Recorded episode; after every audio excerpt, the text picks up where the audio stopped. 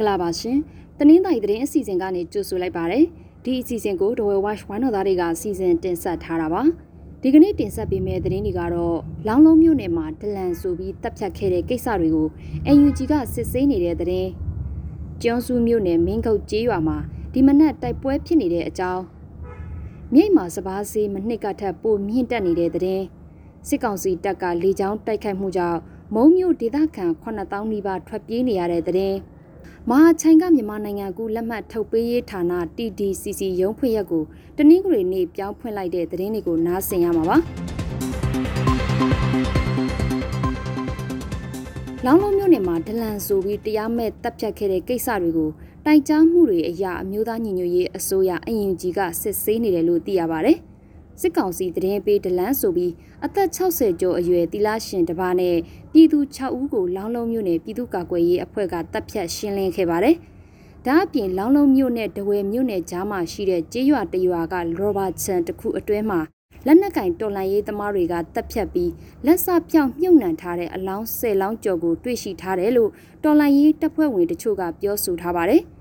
လက်နက်ကင်မဟုတ်ပဲဒလန်ဆိုပြီးဆွဆွဲတပ်ဖြတ်ခံရတဲ့အပေါ်မိသားစုဝင်အချို့နဲ့လက်နက်ကင်တော်လှန်ရေးအဖွဲ့ဝင်အချို့နဲ့နိုင်ငံရေးတက်ကြွလှုပ်ရှားသူတွေကအမှန်တရားကိုလိုချင်ကြောင်းတောင်းဆိုထားကြပါတယ်။အဲ့ဒီလိုတရားမဲ့တပ်ဖြတ်ခံရမှုကိစ္စတွေကိုတိုင်ကြားချက်အရပြီးခဲ့တဲ့3လခန့်ကစပြီးအမျိုးသားညီညွတ်ရေးအစိုးရရဲ့ကာကွယ်ရေးဝန်ကြီးဌာနကစုံစမ်းစစ်ဆေးရေးအဖွဲ့ဖွဲ့ပြီးစစ်ဆေးနေတာဖြစ်ပါတယ်။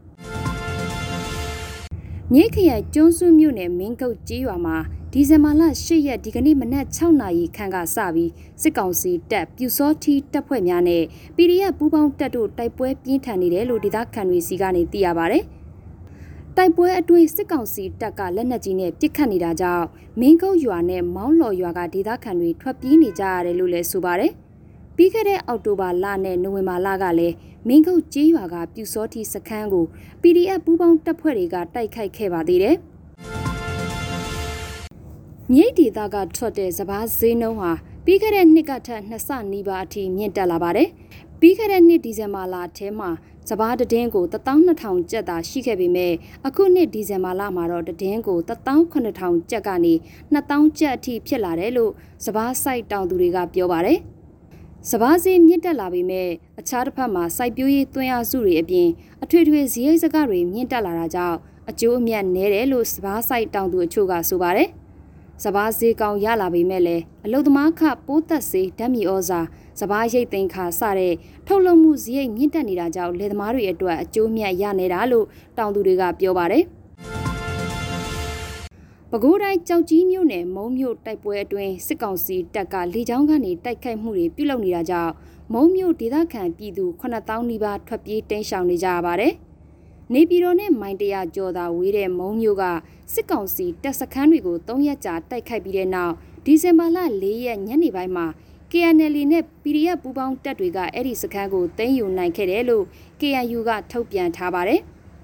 စခန်းသိမ်းတိုက်ပွဲမှာစစ်ကောင်စီတပ်ဘက်ကဒုတက်ရင်မှုအပါအဝင်19ဦးလက်နက်ချခဲ့တယ်လို့လည်း KNU ကထုတ်ပြန်ထားပါတယ်။အဲ့ဒီတိုက်ခိုက်မှုအတွင်းစစ်ကောင်စီဘက်ကလေရင်နဲ့အကြိမ်90ကျော်လာရောက်တိုက်ခိုက်ခဲ့တယ်လို့တောင်ပိုင်းတိုင်းကွန်မဒိုတရင်ကလည်းထုတ်ပြန်ထားပါတယ်။စစ်ကောင်စီလေကြောင်းကပြစ်ခတ်မှုကြောင့်ရေလဲကျေးရွာကဖျားကြောင်တစ်ကြောင်နဲ့လူနေအိမ်လေးလုံးထိခိုက်ပျက်စီးခဲ့တယ်လို့ဆိုပါတယ်။လေကြောင်းတိုက်ခိုက်မှုကြောင့်မုံမြို့အပါအဝင် အနီးနားမှာရှိတဲ့ကျေးရွာ65ရွာကဒေသခံပြည်သူ6800ကျော်ဟာဘေးလွတ်ရာကိုထွက်ပြေးတင်းရှောင်နေရတာဖြစ်တယ်လို့သိရပါတယ်။ထွက်ပြေးတင်းရှောင်လာတဲ့စစ်ဘေးရှောင်တွေအတွက်လူသားချင်းစာနာထောက်ထားမှုဆိုင်ရာအရေးပေါ်အကူအညီတွေလိုအပ်နေတယ်လို့လည်းထုတ်ပြန်ချက်မှာဖော်ပြထားပါတယ်။စစ်ကောင်စီဘက်ကတော့မုံမြို့ကိုပြန်လည်သိမ်းယူထားပြီးဖြစ်တယ်လို့ဆိုပါတယ်။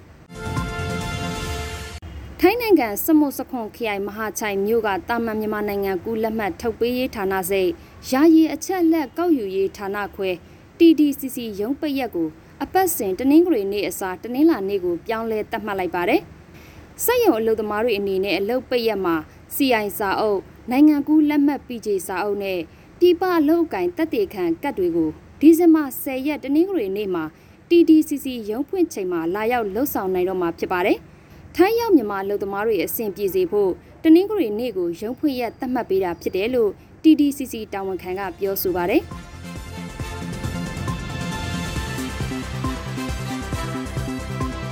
အခုလိုနားဆင်ပေးခဲ့တဲ့အတွက်ကျေးဇူးအထူးတင်ရှိပါတယ်မြန်မာနိုင်ငံသားများကပ်ဘေးအပေါင်းကနေအမြန်ဆုံးလွတ်မြောက်နိုင်ပါစေလို့ Noel Watch ဝိုင်းတော်သားများကဆုမွန်ကောင်းတောင်းအပ်ပါတယ်ရှင်။